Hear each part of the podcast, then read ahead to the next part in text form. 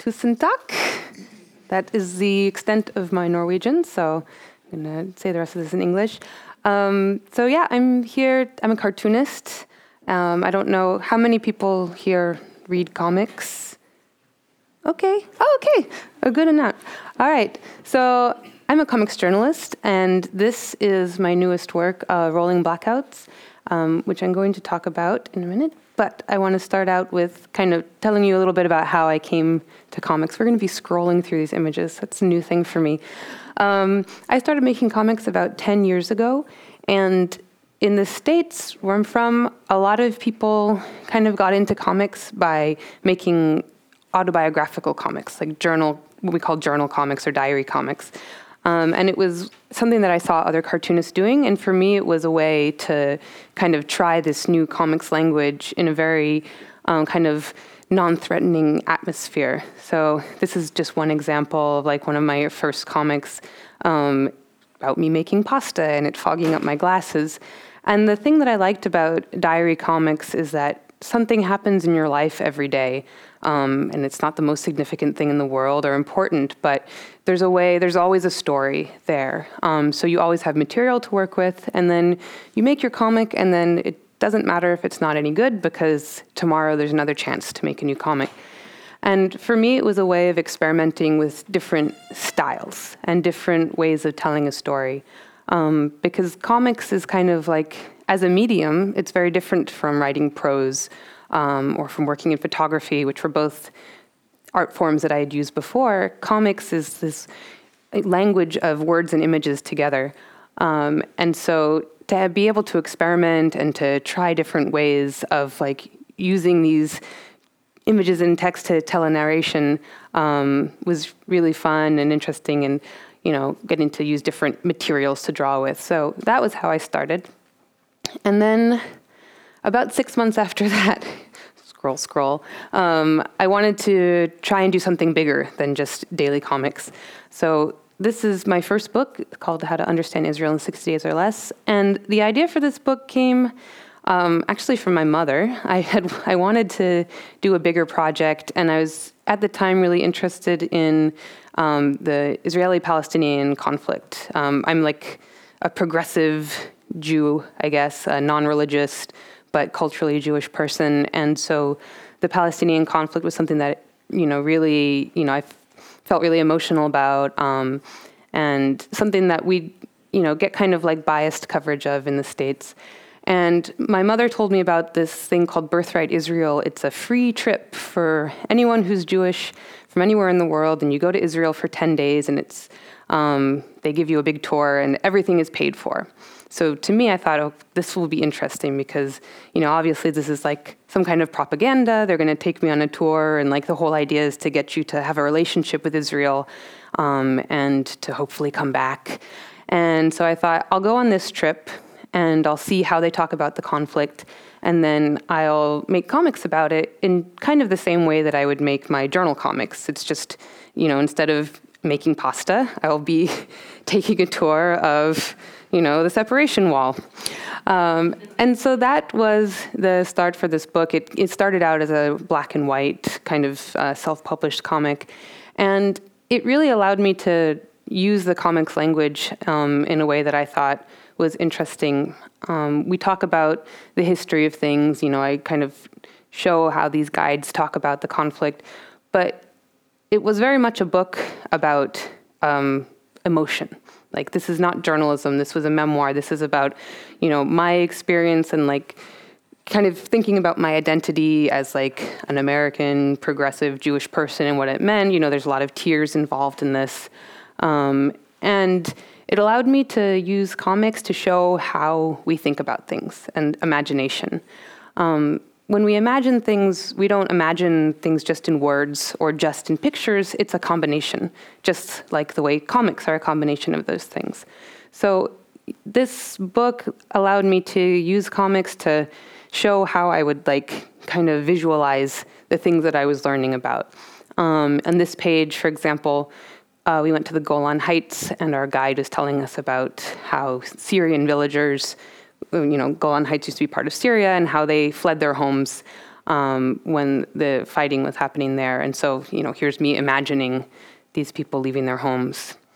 And then on this page, this is me thinking about how I don't even know what a war looks like. Like, is it hand to hand combat? Is it tanks? Is it dinosaurs? Like, you know, this is just all fantasies. And, um, and so that is kind of that book. It's this personal journey. At the time that I was working on that book, these friends of mine who are in the foreground, um, Alex and Sarah, started a nonprofit journalism collective called the Seattle Globalist. And I had always been really a, a consumer of journalism. Um, you know, I read the news all the time, I listened to public radio. But until these friends of mine started their own news organization, I didn't really think very much about what goes into journalism. How does it work? Um, so these are friends I knew from New York, and they moved back to Seattle, and they started this um, media, like multimedia journalism outlet, where they would do mostly reporting in Seattle. Um, it looks kind of like Norway, which is, uh, you know, there they're talking to kind of like some First Nations people in Seattle. They did a lot of social justice um, work on race um, and immigration in Seattle, but they also did international reporting about once a year. They would get grant funding to, they went to East Africa to um, investigate water scarcity and how it was fueling conflict. They went to Pakistan um, to look into education in the country. And they would come back to the States, and I would ask them all kinds of questions because I really wanted to know like, how does a journalist be a journalist? How do you decide what story to write about? How do you find a translator? Um, what is a fixer? Like all of these terms that I'd heard about journalism that I, you know, now was able to ask them these questions. And then I thought, you know, maybe I can just go with them on one of their reporting trips and do a book about how journalism works. And so I asked them if they would be okay with that. Surprisingly, they said yes. And so in 2010, um, I went with them to southeastern Turkey, northern Iraq, and Syria to do a book about the journalists, how they work. Um, so this is us in Van, Turkey. We started there, this kind of um, town near the border with Iran, where a lot of Iranian refugees go and get registered. Um, we went to yeah, northern Iraq to Sulaymaniyah, which is in the Kurdish areas of Iraq and kind of you know separate from the rest of the country. And when we were in northern Iraq, we were talking to this man Sam Malkandi, who has a very interesting story. He um, deserted the Iraq Iran war, um, went into exile in Iran, then to Pakistan, and ref- registered as a refugee, and finally made it with his family to the US, kind of started their American dream as immigrants and refugees, and then was accused of helping an Al Qaeda terrorist and was deported about six months before we were there. So the journalists I was with were working on a full length documentary about his life, um, and that's what we were there investigating. And then finally to Syria. We went to Damascus and we were there to look into um, Iraqi refugees. So it's kind of hard for us to imagine now, but in 2010, when we were there, um, Syria was a refuge. It was a place where Iraqis were going to escape the violence in their own country, um, and Syria welcomed them in. They were able to have, you know, health care for free, um, education for their children. But it's not a perfect system, obviously. Um, there was no access to free higher education for young Iraqis, and people were not legally allowed to work. So, our reporting there focused on what is the experience like for an Iraqi refugee um, living in Syria. The other element of this book was that Sarah, the other journalist, invited a childhood friend named Dan O'Brien, who was an American Marine and he fought in the Iraq War. And it was kind of an insane idea for him to come with us on this reporting trip, which all of her journalist colleagues said, Why are you doing this? This is crazy. Um, and I kind of agreed, but I wasn't going to tell her that. But her idea was that she would bring him with us and that this would be his reintroduction to Iraq. He would meet Iraqis who had been displaced by the war, and maybe he would begin to question his role um, joining the military and, you know, whether he had done the right thing by going to fight in the Iraq War. And she was going to interview him as we went through this reporting trip and maybe his ideas about the American military would change, and it would wrap up all very nicely in a radio radio journalism piece. Um, but their interviews got a little bit too personal. Uh, it didn't quite work out the way she wanted, and there's a reason why you don't interview your friends as a journalist. um, because things get personal very quickly.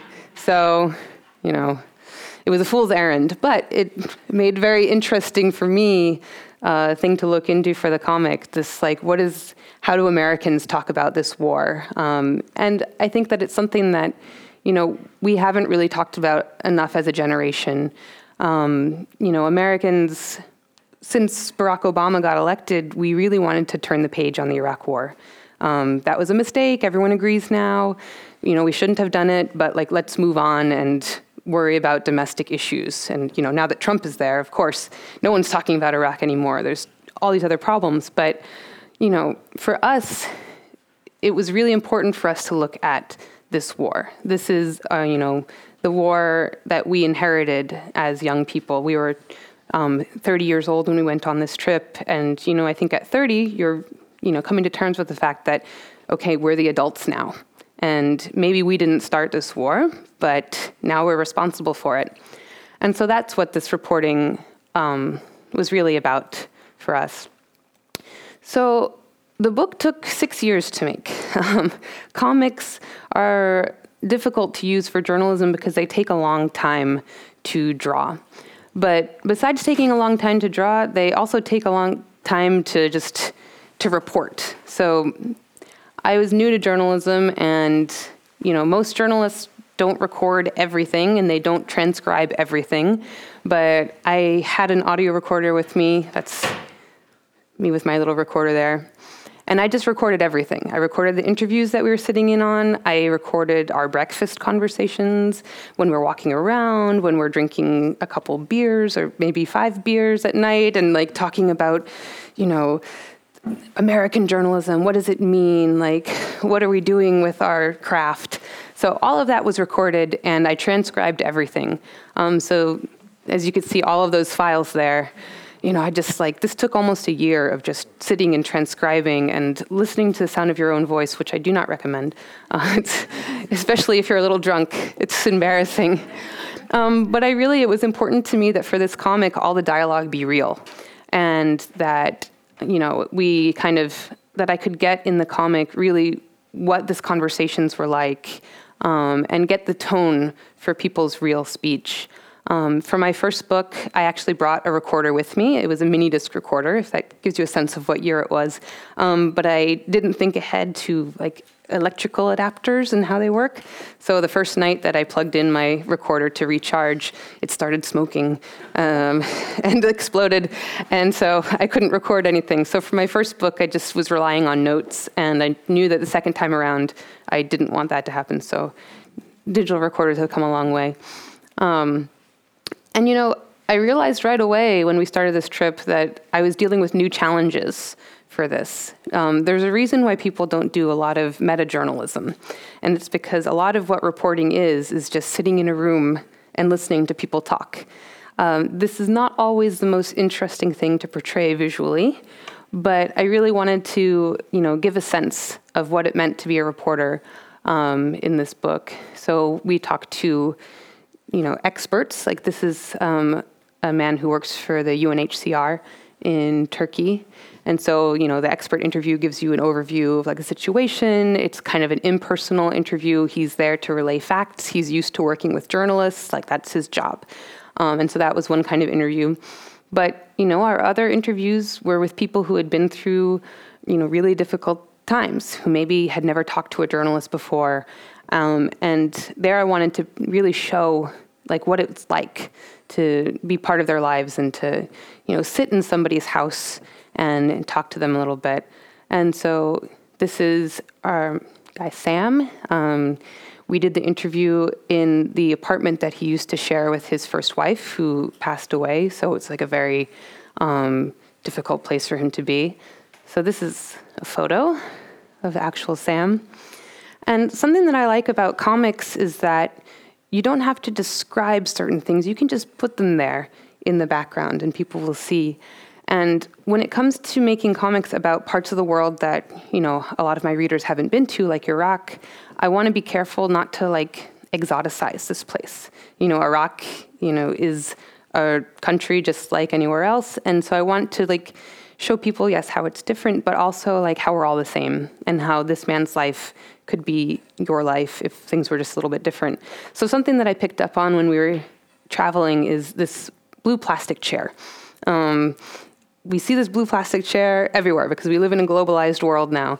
Um, and so I really wanted to just kind of put that there in the comic without having to like write. And I saw in his house the blue plastic chair that I saw in my own home, in my backyard. Um, with comics, you can just kind of put it there. And maybe the reader will pick up on that and think, like, even subconsciously, oh, yeah, I, I recognize that or maybe they won't. Um, but it's something that is great about this visual language is that you just everything is just there in the background. You don't have to every single page write about the description of his house. You just have it there. For some comics journalism, like Joe Sacco, I don't know if you know his work. He's, you know, he's the master of comics journalism. So if you want to read comics journalism, definitely check out Joe Sacco's work. He does a lot of flashbacks. You know, the people that he's interviewing, he will ask them lots of questions about um, what happened to them in the past, because a lot of his work is about people's experiences that they're not experiencing anymore. Um, I like to be careful about not including too many flashbacks. Um, so this is Sam talking about, um, you know, his life in Baghdad in the 70s and how he was um, a drama student. And so I did a little bit of flashbacks, but usually, you know, for this work, because it's about the present of reporting, I wanted to stay in the moment. So, you know, what is it like for the reporters to go to someone's house early in the morning and watch them make tea? Um, you know, because reporting is, I believe that reporting can't be objective, it is always subjective, and that the reporter is always influencing someone's life. You're not just observing, you're there, you know, with them in the morning when they're making their breakfast. And so I really want to show how the reporters are there. We're not just talking about his story, we're talking about people listening to his story. A lot of layers here going on. Um, you can also, with comics, you know, we looked at pictures of his family. Um, I tried to paint photographs in a different way to kind of show that this is drawn from a photograph. Um, so you can use that to show another part of his life. Just gonna skip past here because I wanted to delete these. Um, foreign languages was something that I struggled with how to portray in the book. Um, and so what I decided was I wasn't going to translate what people were saying. I was going to always show what the what a translator was putting. So where is the example? Okay. See, this is why. All right. So in this panel, you have a translator um, in English. He, this is what we recorded. We recorded him translating, and so I decided to put her word balloon underneath. And I borrowed that from documentary film or from radio journalism, where you hear the person start to speak in their own language, and then you hear like the person, the reporter, being overdubbed um, with a translation. And so I thought, okay, this is how I'll do it in comics. I'll just like use that technique. Um, and so that's how I made that decision. And yeah, this is towards the end of the book when we're in Syria talking to Iraqi refugees. And I really wanted to use these panels to show um, the feeling of being crowded in this room. Um, the Iraqis that we were talking to, these are mostly middle class or upper middle class people. Um, Iraq was a very educated country. Um, you know, these people all had jobs as engineers, doctors, and stuff. Because the people who are the poorest usually don't have the resources to leave. They have to stay um, with the violence. And there's a lot of frustration because you go from being a doctor, an engineer, and having a house and having a life to having to go every two weeks to um, a big warehouse that's cold and waiting for hours and hours just for some rice and some oil. And, you know, this is there's a lot of frustration there and there's a lot of anger. Um, and for a lot of the people that we talked to, it was the first time that they had been able to speak to an American about what they were feeling and what they had been through. Um, so we ended up answering a lot of questions as well. And it's something that I really like. I use this woman as the first page of the book. Um, she's saying, like, she was asking us questions like, why did you invade Iraq?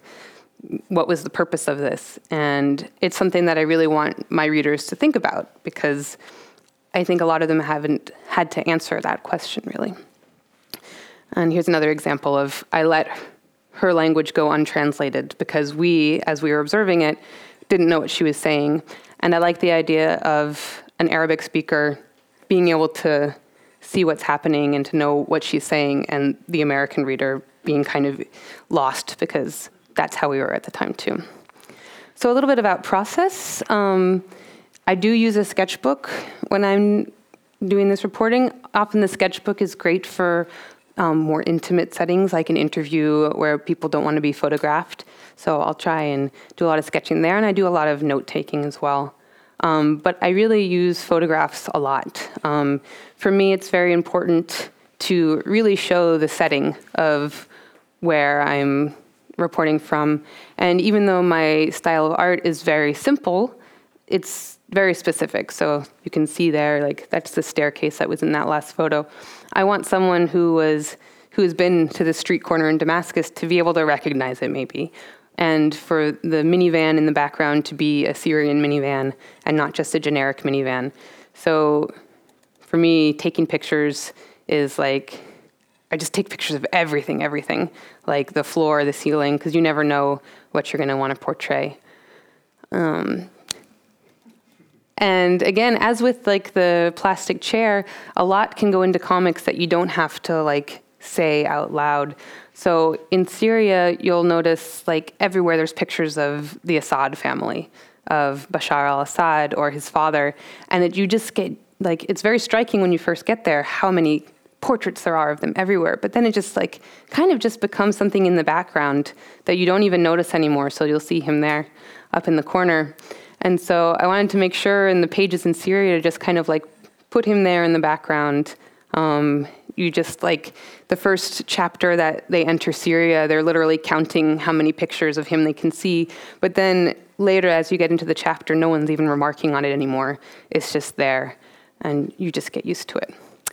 Um, I take a lot of reference photos for getting poses right. So this is me in this apartment we were renting in my pajamas, which is my work outfit. Um, so here's some pictures of me looking at a shoe. And that was for this sequence here, where we're looking at this like diffused bomb on the ground. Um, because like, it is sometimes hard to like get these poses right. Um, so I have all of these, this file of images on my computer of like me going like this and making all these faces, and and that's how that magic happens. Um, the sketchbook is great also for places where if you have a camera out, you you know might get in trouble. So anytime we were at a border crossing, the camera would go away, and I would take out the sketchbook and just try really to draw as fast as I could the things that I was seeing. Um, so this is a border crossing from Turkey into Iraq. Um, that's the building after you go through the crossing and you have to like go and get your documents checked. And so there it is there. Um, and I use floor plans a lot too. Um, so that so on the left there is the kind of waiting area in that building, um, and on the right is the same room, but like I tried to make a floor plan showing like where the chairs were and where the different rooms were, and so then I can construct afterwards the panel showing what it looked like. And I'll write down like what colors things are and everything like that. Uh, this is another example. We went in, when we were in Iraq, we went to a cockfight. Um, cockfighting is not illegal per se in, in this area, but we were told not to take any pictures of the people who are watching because they probably don't want people to know that they were watching this. So I did sketches while we were there of kind of like what the scene looked like, um, how people were watching. And then once everybody left, we were allowed to take pictures of the room and of the arena. Um, yeah, it's pretty gross. um, and then, so then this is like the constructed scene afterwards, using both the pictures and the sketches together. I really like these portraits of the chickens. They don't let them die. I know it's still really cruel and everything, but like they really like honor the chickens. Um, and I loved these pictures. So you know, sometimes with comics, like I put in stuff in the background that like maybe someone else won't even notice, but like is just interesting to me. So there's those guys there. Um, this is kind of like the sketching process. Usually for there's sometimes I only have like I only had one photograph of this guy. And so what I'll do is I'll usually use that photograph, do some sketches of him like from different angles and you just draw and draw and draw something until you kind of like get a feel for them as a character and then you can start um, drawing the page. So all of my work is um, ink and then watercolor. So this is the pencil stage, then you ink on top, and then the watercoloring goes in afterwards, and it's kind of like layers built up on each other. And this is the final guy. He, was very mad at us, but he was an interesting character. And so, yeah, that's all. And if you have any questions, I'd be happy to answer them. Thanks.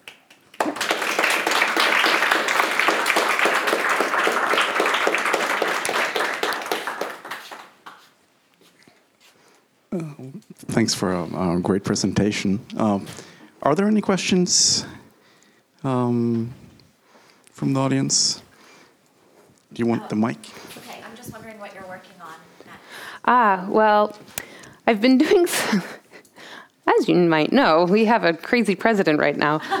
um, so I've been kind of, and you know, one week into office, he um, tried instating this this travel ban um, for people from these seven most, mostly Muslim countries, and he decided to halt the refugee program.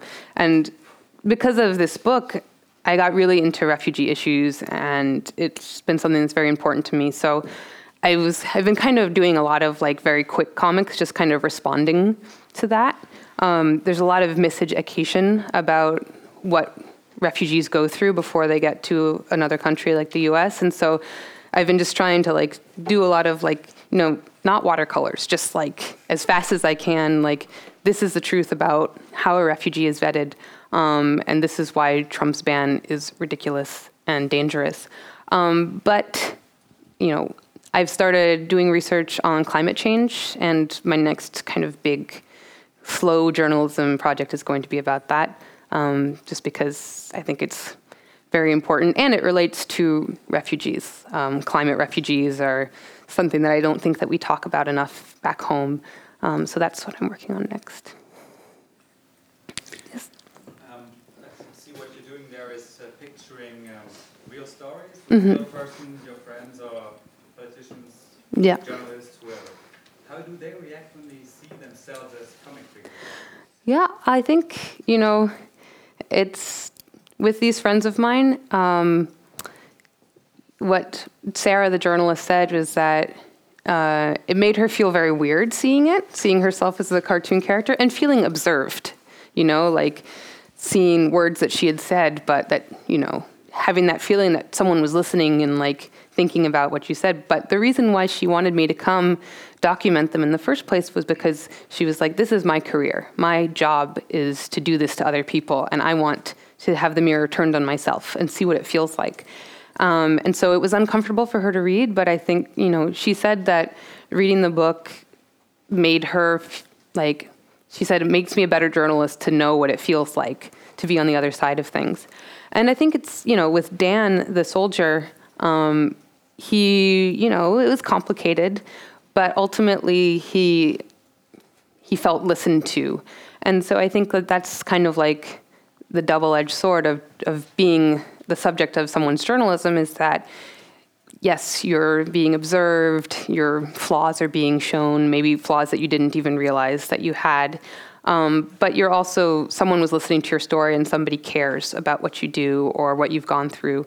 Um, so yeah, it's, I certainly would never let someone make a comic about me, knowing what they've been through. But it, it really worried me while I was working on this book. I worried that I would destroy this friendship or that I would destroy the friendship between her and the ex-marine or that you know I would get sued or something. Um, but that's just part of journalism, I think. you know, is it's an uncomfortable thing. But would you say there's a difference between being portrayed in a written way Hmm. Yeah, you know, probably. Um, with the drawing, you know, I don't I don't have video footage of people while they're talking, so I am like making stuff up in a way. Like I'm saying that they did this gesture when probably they didn't do that exact gesture. But I try to do the best I can when I'm observing people to like I'm not trying to lie about them. But it is like it's an uncomfortable thing to know that like you're making someone's life into like a narrative. And, you know, we that isn't how life works. It's more messy. But I think that's what all narrative journalism does. Even prose journalism, you're turning some like some observed life into a story for someone else's consumption. And so yeah, I think with the drawing it makes that a little bit more obvious. Um, and so it involves a lot of trust on their part for me to be able to do this.